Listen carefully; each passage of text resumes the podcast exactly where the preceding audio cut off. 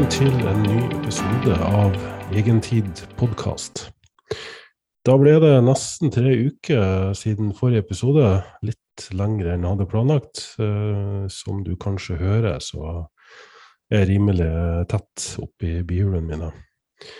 Eh, guttungen har jo da hatt eh, RS-virus i barnehagen, og det er jo, som kanskje noen av dere vet, et ganske aggressivt virus der man uh, får det veldig ned i brystet og i slimhinnen, og man kan bli litt frisk, og så blir man dårlig igjen, og så blir man frisk, og så blir man dårlig. Så nå uh, har jeg sjøl hatt det i to og en halv uke, og guttungen går ennå og hoster litt, sjøl om han fikk det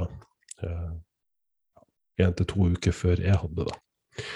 Så derfor er stemmen min i dag litt sånn ømfintlig, og derfor måtte jeg vente litt med å begynne å spille inn noe podkast.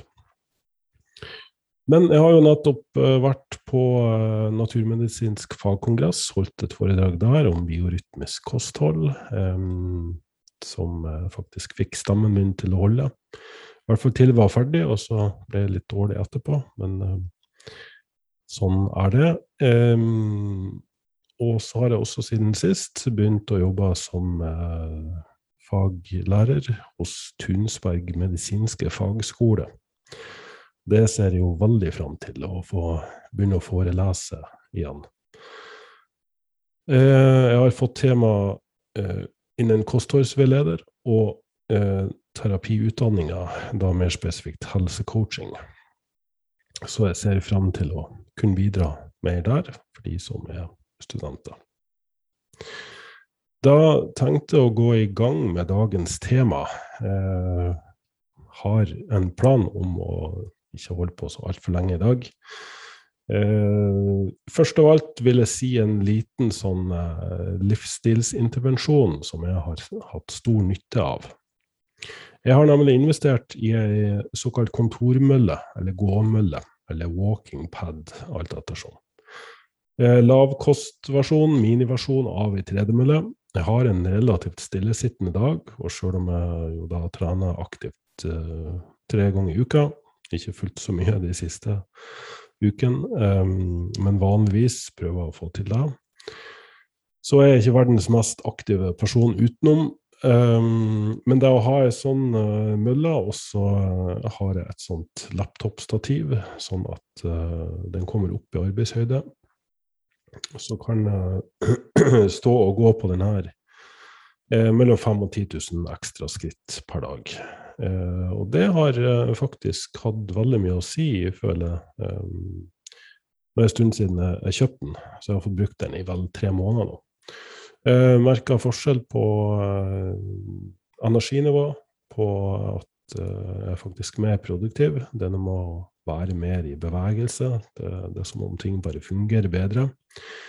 Eh, ja, det er kanskje litt tidlig å si om det har gitt noe utslag på fettforbrenning eller kroppssammensetning. Jeg forsøker å holde meg i ganske god form året rundt. og eh, Forbrenner mer, så spiser jeg nok sannsynligvis litt mer også. Så akkurat der eh, da, var ikke hovedmålsettinga med å gjøre det. Men det kommer en nyere studie som viser en, faktisk en direkte sammenheng mellom antall skritt og sykdomsrisiko. Den viste et sånn relativt lineært forhold mellom hvor mange skritt du går per dag, og eh, ja, hvor mye lavere risiko du har for å bli syk, og dermed for å kunne ha et lengre liv. Jeg la imidlertid merke til at dette var en såkalt metastudie, så de har um, vurdert flere studier på området, og så de dratt en uh, statistisk konklusjon ut fra det. Eh, det så nok ut som det begynte å flate ut mellom 12 000 og 15 000 skritt. Det vil si at det var ikke noe ytterligere effekt av det. Men uh, i den studien så hadde de da uh, tolka de dataene som at jo mer du går, jo uh, mer frisk er du. Og det er kanskje å dra det litt langt. Mm. Men det er jo kanskje òg sammenfallende med at vi har At de som lever som eh, våre forfedre gjorde, altså med tradisjonelle jeger-sanker-samfunn i dag. Et eksempel er Hadsa-stammen i Afrika. De ligger mellom 12 og 15 000 skritt per dag. Både kvinner og menn, unge og eldre.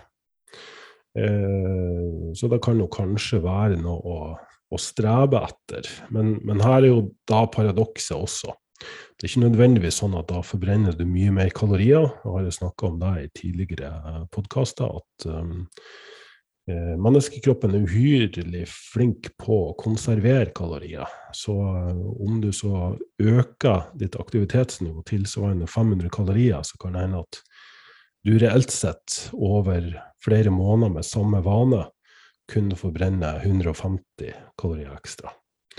Eh, basert på de studiene vi har sett på det området.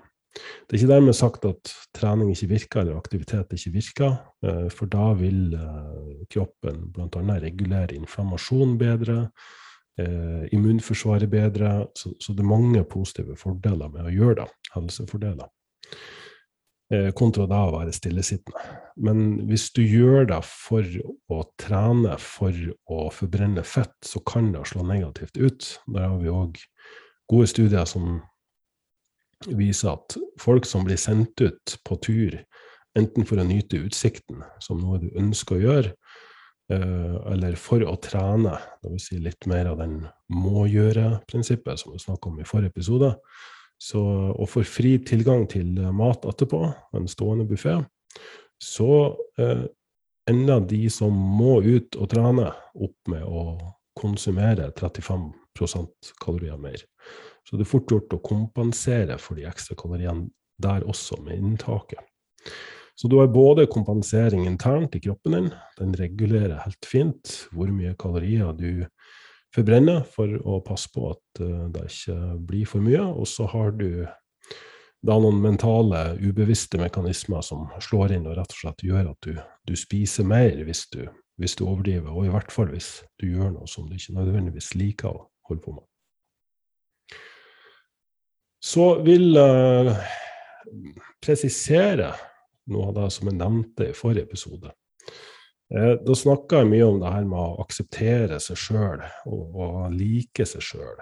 Um, nevnte for så vidt da at jeg har nok ikke noen ambisjoner om at um,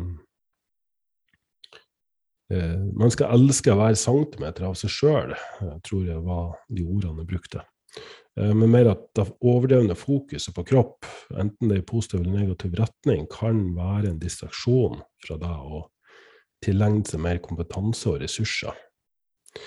Um, og, og, for å utdype det litt mer Jeg vil skille mellom um, For mitt sånn overordna uh, tankesett når jeg jobber med folk, det er å, uh, å få de litt bort fra den der at det er noe galt med deg som du må fikse. Og heller over på den at la oss nå si at du kan akseptere deg sjøl med alle dine feil. Og gitt at det er tilfellet, hvordan kan du utvikle det? Hvordan kan du tilegne deg ressurser og kompetanse for å gå i riktig retning i livet ditt? Eh, og da er vel forskjellen på selvmedlidenhet og selvaksept. Eh, noen har kanskje hørt at eliteutøvere er sine egne verste kritikere. Eh, men det er forskjell på da å sette høye standarder for seg sjøl og kritisere seg sjøl. Og det vil si drive med negativt eh, selvsnakk.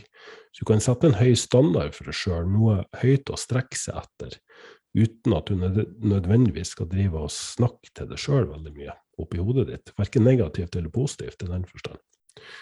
Eh, faktisk har forskning funnet ut at overdreven selvkritikk er assosiert med såkalt prokrastinering, dvs. Si at du stadig vekk utsetter og setter i gang med ting. Eh, lavere motivasjon og lavere selvkontroll, altså impulskontroll. Jeg vil nesten si da at å jage etter lykke det er litt sånn kontraintuitivt på, på, ja, på en nærmest vakker måte. Eh, I en studie som jeg så, så ble deltakerne eh, fortalt at de enten skulle gjøre noe fint for seg sjøl, eller gjøre noe fint for en annen person. De som gjorde noe fint for andre personer, var mye lykkeligere og hadde naturlig nok en sterkere følelse av tilknytning til menneskene de hjelper. Så det er noe, i det, muligens derfor jeg har valgt å jobbe mer med andre mennesker enn med meg sjøl. Jeg ble til slutt litt lei av meg sjøl, eh, for å si det på den måten. Men jeg hjelper meg sjøl ved å hjelpe andre, Fordi jeg lærer så mye og blir så inspirert av å se hva andre mennesker går gjennom. og kjenner meg både igjen det, eh, og, og, ser hvor jeg lett kunne eh, havna på feil spor hvis jeg hadde gjort mye av det samme.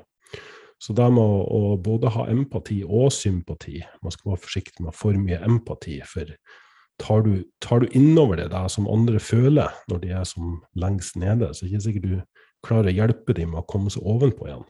Men har du sympati, i det vil si at ja, jeg forstår at det her er tøft for deg, men la oss se på hva vi kan gjøre, så, så tror jeg både coachen og kunden eh, kommer bedre ut av det.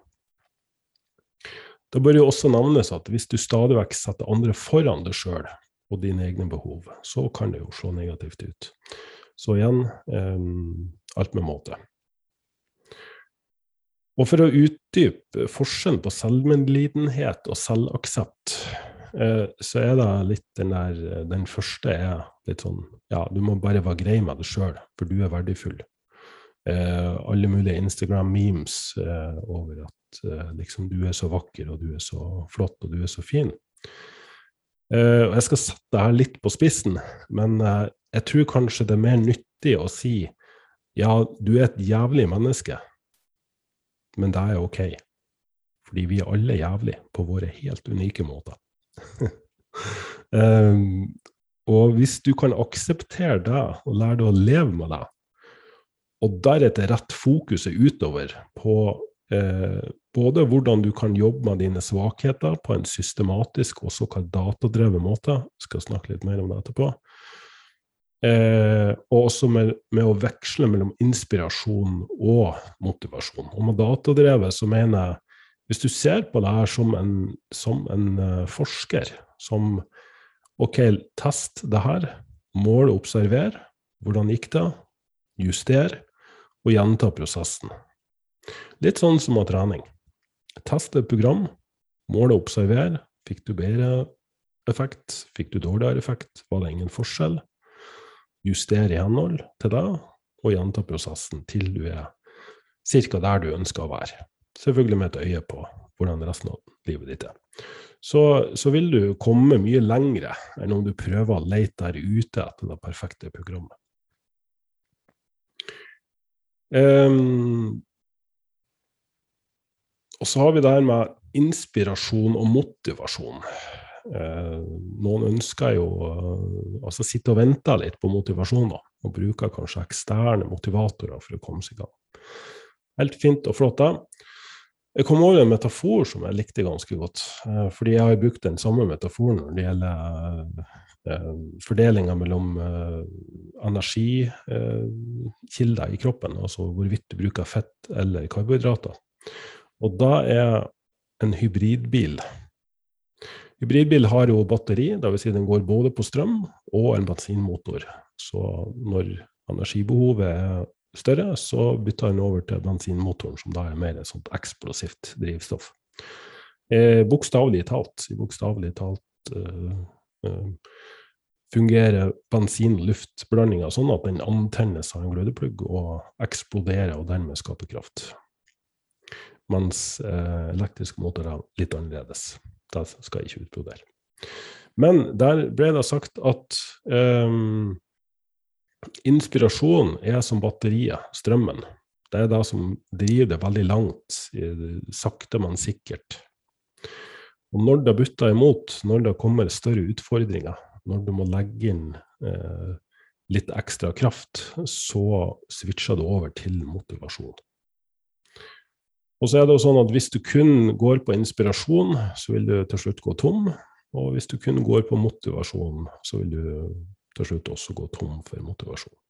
Så det er med sømløst bytte mellom begge deler, da, inspirasjon og motivasjon. Det høres kanskje litt sånn abstrakt ut, men eh, jeg tror de ordene smaker litt forskjellig for de fleste av dere som hører på det her. At inspirasjon er Jeg vil si at inspirasjon kan du få av å At du, du, føler en trang til å sette i gang med noe. At ok, det her har jeg lyst til å se nærmere på. Da, da er du inspirert. Du kan òg bli inspirert av andre mennesker. Oi, det så veldig kult ut. Det så veldig interessant ut. Det har jeg også lyst til å prøve. Og så kommer motivasjonen inn. Det er når du trenger litt ekstra innsats, litt ekstra kraft, litt ekstra push for å, for å komme deg gjennom. Uh, men du klarer det ikke med kun det ene eller det andre. Så det er da at i korte perioder så må du kanskje ha litt ekstra motivasjon, men så må du kunne gå tilbake til inspirasjon. Og, og her er det noe med at når du først kommer i gang med noe, så skaper det ofte motivasjon i seg sjøl. Si at når du ser et direkte resultat av innsatsen din, så vil det være en selvdreven motivasjon. Heller enn at du stadig vekk må tvinge deg sjøl til å gjøre noe. Ref jeg snakka om i stad, med om du ønsker å gå tur eller du må gå tur. Um, så vil jeg kanskje også si da at baksiden med å alltid tenke at du er et jævlig menneske, er jo selvfølgelig at det er fort gjort å havne i ulike komplekser. Eh, der det finnes ingen selvaksept i det hele tatt, og det er alltid noe du må jobbe med. Så, så det er fort gjort at den sklir over, og dermed faktisk blir til selvmedlidenhet. Eh, men allikevel er det bedre enn selvmedlidenhet. eh, for jeg føler bare at den medlidenheten der, den lidelse sant? Du, du hører litt uh, energien i det ordet. Det er litt sånn offer. Der du skal trøste og belønne deg sjøl, men uten at, noen, at, du noen gang endrer det. Du ønsker endring, men du er ikke villig til å endre det. Og du kan jo heller ikke endre det hvis du tror at måten du tenker og oppfører deg på, er, ja, det er bare sånn du er. Den, den, hører jeg ganske ofte. Der, ja, men det er jo bare sånn jeg er. Eh, og da blir du fort eh, fastlåst. Eh, vi har alle en rotete bakgård og svin på skogen og skjeletter i skapet, alt etter hva du, hva du ønsker å kalle det. Eh, vi, vi, har alle ulike triggere som fører til ulike og unike reaksjonsmønstre og forsvarsmekanismer.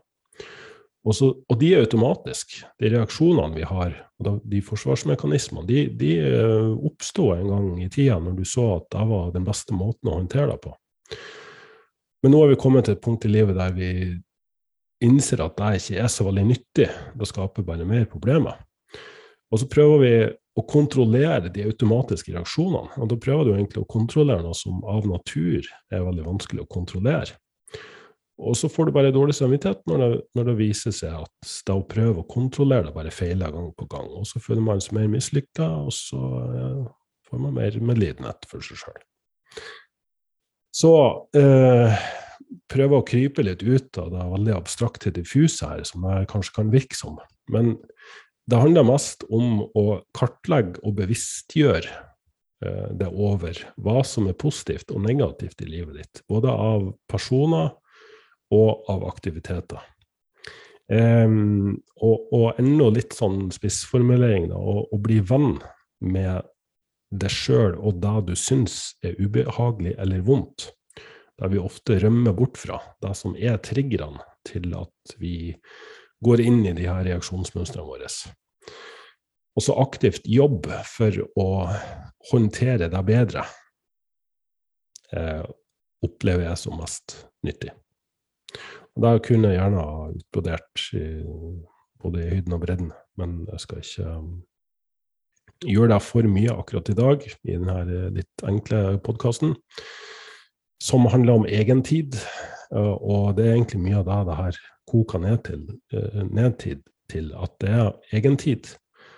Tilbring litt mer tid med det sjøl uten å dyrke det sjøl, altså dyrke dine egne svakheter og styrker. Eh, for da blir jo enten et offer eller en arrogant drittsekk. Sant? Så det er noe med å ha et blikk, et nøytralt observatørblikk til hva er det som gjør det til den du er. Og så jobb med det som du ikke syns er veldig nyttig å ha, det som du ikke liker med deg sjøl. Eh, men selvfølgelig fortsette å kultivere det som er dine styrker. Og igjen tilbake til det å være datadrevet. Lek det med ting. Test ut. Utforsk. Funker det? Funker det? I stedet for at du dømmer og vurderer alt du foretar deg som ah, nok et bevis på at det er mislykka. At jeg ikke fikk til det heller. Det funka ikke. Og da, altså, vi er litt over på den der uh, Han som oppfant lyspæra, han uh, prøvde tusen ganger for han fikk det til å funke. Uh, kanskje han burde ha gitt seg tidligere, men det er noe med at hvis du finner noe som er viktig nok, så kan du prøve tusen ganger, og likevel bare tenke på det som tusen måter det ikke fungerte på, helt til du finner den måten som, som det fungerer på. Det er kanskje det livet heller skal handle om, en reise. Da, en utforskningsreise. Eh, være en eventyrer i eget liv, eller en den som bare skal finne en eller annen suksessoppskrift, og så tenke at du bare kan kopiere den, og så skal du ende opp der du ønsker å være. Så vil du slå et slag for å gjøre ting som du er redd for. Bare for, om ikke annet, så for å oppleve at du er faktisk helt OK etterpå. Med mindre du har tenkt å hoppe i fallskjerm uten fallskjerm. Det er jo kanskje ikke så veldig lurt. Så selvfølgelig innenfor rimelighetens og trygghetens grenser. Og så er det jo noe med å ha en tanke om at det er feil å, å føle på frykt, å føle på uro eller, eller redsel. Da, da, er, da, er, det noe i veien med deg, hvis du føler på det. Um, og det, det, er ikke noe Altså, det å være kritisk til det sjøl er ikke særlig verdifullt i seg sjøl, men det er ønskelig å ha høye forventninger. Så, så, det er ok å være kritisk til handlinger eller valg du gjør, uten å være kritisk til deg sjøl som person, fordi det er sånn du er.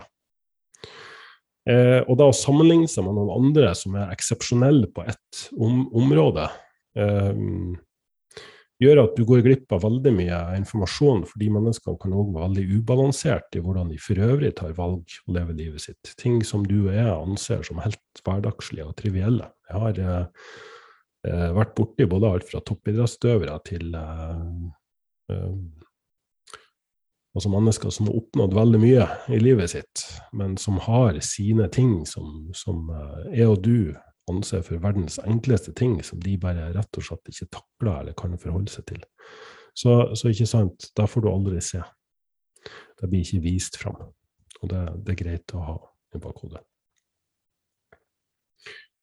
Så til slutt uh, så vil jeg snakke litt om en, uh, egentlig en artikkel som uh, en som heter Chris Beardsley har skrevet. Han er en av de ser veldig opp til i i hvert fall blant de som driver med forskning eh, og skriver mye om de mer tekniske aspektene ved, ved trening. Um, og det er vel uh, på en måte oppsummering av en lang rekke med studier han har snakka om, uh, som han ikke har gjort sjøl, men har analysert og gått gjennom. Uh, og det adresserer litt det her med Vi har nok en sånn oppfatning, mange av oss, at, at da å være sliten, altså utmattelse, er noe vi bør oppsøke for å få framgang på trening. Og den her gikk litt i motsatt retning, i hvert fall når det gjelder å bli sterkere eller bygge muskelmasse. Eh, så gikk den liksom gjennom de forskjellige utmattelsesmekanismene. Og i all hovedsak er det fire ting som utmattelse eh, reduserer prestasjon på. Det er koordinasjon, det er såkalt viljestyrt muskelaktivering, evnen til å løfte noe. Eh, muskelfiberens evne til å produsere kraft, altså ikke bare nervesignalet til muskelen, men også muskelens evne til å trekke seg sammen. Og muskelens evne til å trekke seg sammen hurtig blir påvirka. Så de fire påvirkes av utmattelse.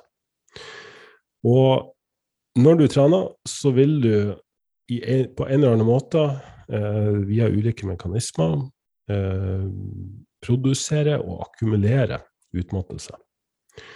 Og her har det vært en oppfatning av at deg i seg sjøl eh, må til for at du skal få resultater på lengre sikt. Eh, og da viser det seg å være ganske feil. Da, da faktisk har ingen eh, uh, ingen effekt på den tilpasninga kroppen oppnår.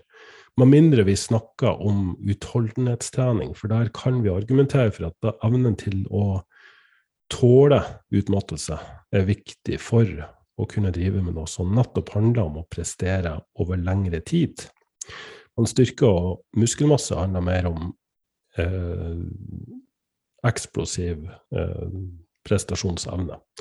det å løfte noe tungt eller å løfte noe litt lettere, eller bevege kroppen din raskest mulig, fortest mulig. Eh, så i de aller fleste tilfellene så eh, hvis du går inn i den neste treningsøkta og har eh, større eller mindre grad av utmattelse, så har det omtrent utelukkende negative effekter. Ikke bare på prestasjonen din, men også på den eh, tilpasninga, altså den treningseffekten, som vi ønsker. Eh, og her er det jo både eksperter og, og coacher som, som, regner Altså legger opp treninga, periodiserer, pro programmerer, planlegger treningssyklusene sånn at på slutten av den blokken, treningsblokken så skal du være ganske sliten. Og så skal du da hvile eller trene mindre, sånn at du får bedre prestasjon når utmattelsen som da skjuler prestasjonsnivået, er borte. Eh, og argumenterer hardt for at det gir bedre framgang enn å trene akkurat passe, sånn at du aldri er sliten. Og um, jeg tenker at tilnærminga bør ligge et sted midt imellom. Um, hvis, hvis, du ser på det her som at uh, Hvis du kjører en bil, og du kjører en bil fort, så vil du få slitasje på den. Da, da vil det oppstå uh, ting som må eh, altså, altså hvis, hvis, du akkumulerer nok kilometer på den bilen, så, så, vil som en konsekvens av at du har kjørt den bilen veldig langt og veldig fort, eh, være eh, slitasje. Men slitasjen skaper ikke en bedre bil. Sant? Slitasjen i seg sjøl er kun en indikator. Det er ikke en tilbakevirkende eh, kraft på motoren og drivverket ditt som gjør at det blir sterkere. Det, det er mer en bieffekt av det. Eh, og derfor, eh, som jeg også snakka om forrige gang, det her med å være datadrevet eh, og, og, faktisk observere at du stadig vekk enten klarer å løfte litt tyngre vekt, eller klarer samme vekt litt flere repetisjoner. Eh, det er mulig å ha ei dårlig økt en gang iblant, men, men, igjen, da er du der at da har du ikke restituert det siden forrige gang. Og om det er forårsaka av at du har sovet dårlig, eller du har ekstra mye stress, eller et, uh, et immunforsvar som bekjemper virus, sånn som i mitt tilfelle, det spiller for så vidt ingen rolle. Men det å da fortsette å gjennomføre den treningsøkta fordi du hadde bestemt deg for å trene i dag, og du hadde bestemt deg for å følge det programmet, da er du ikke datadrevet. Da trener du i en utmattet tilstand, dvs. Si en ikke-restituert tilstand, og da i seg sjøl kan ha en negativ effekt på den langsiktige eh, treningseffekten. Det er noen som bare trener gjennom det her, og før eller senere vil du kanskje komme til det punktet at du via en eller annen magisk kombinasjon av eh, frekvens, volum og intensitet klarer å restituere det. Og vi vet jo også at, eh, som jeg nevnte innledningsvis her, at eh, Står du i utmattelse lenge nok, så blir kroppen litt bedre til å tolerere utmattelse. Men det betyr ikke at det å tåle tåle den utmattelsen fra treninga bedre, uh, og det å dermed tåle mer i trening, er en mer produktiv strategi enn å bare finne en akkurat passe treningsmengde som stadig gjør det sterkere og bedre. Så jeg, jeg kunne ha tatt to personer, og så kunne jeg den ene har gått gjennom de syklusene med veldig mye trening, utmattelse og slitenhet, backa ned litt, gjentar, sånn at de sånn sakte, men sikkert, når du ser det her over et år eller to eller tre år, ender opp med å bli eh, mye sterkere og større. Og så tar jeg en som bare trener mye mindre, og passer på at uh, du restituerer det bra, du spiser bra, sover bra, uh, tar vare på alle de tingene. og har du en dårlig treningsøkt eller kommer på gymmet, og allerede på første settet ser du at ok, her er jeg ikke helt der jeg burde være, så stopper du der. Eh, og gjør det konsekvent, så kan jeg Nå er det selvfølgelig vanskelig å teste i praksis, det her. Hvis noen er villig til å sponse den studien, så, så blir jeg kjempeglad. Eh, men min erfaring gjennom nå og godt over 20 år tilsier at det er en mye bedre tilnærming. I løpet av to til tre år så vil jeg påstå at den personen er bedre stilt. Også fordi de ikke har like mye slitasje på kroppen sin som den personen som stadig har pusha og, og trykt. Um, jeg håper at jeg resonnerer med, med, folk der ute.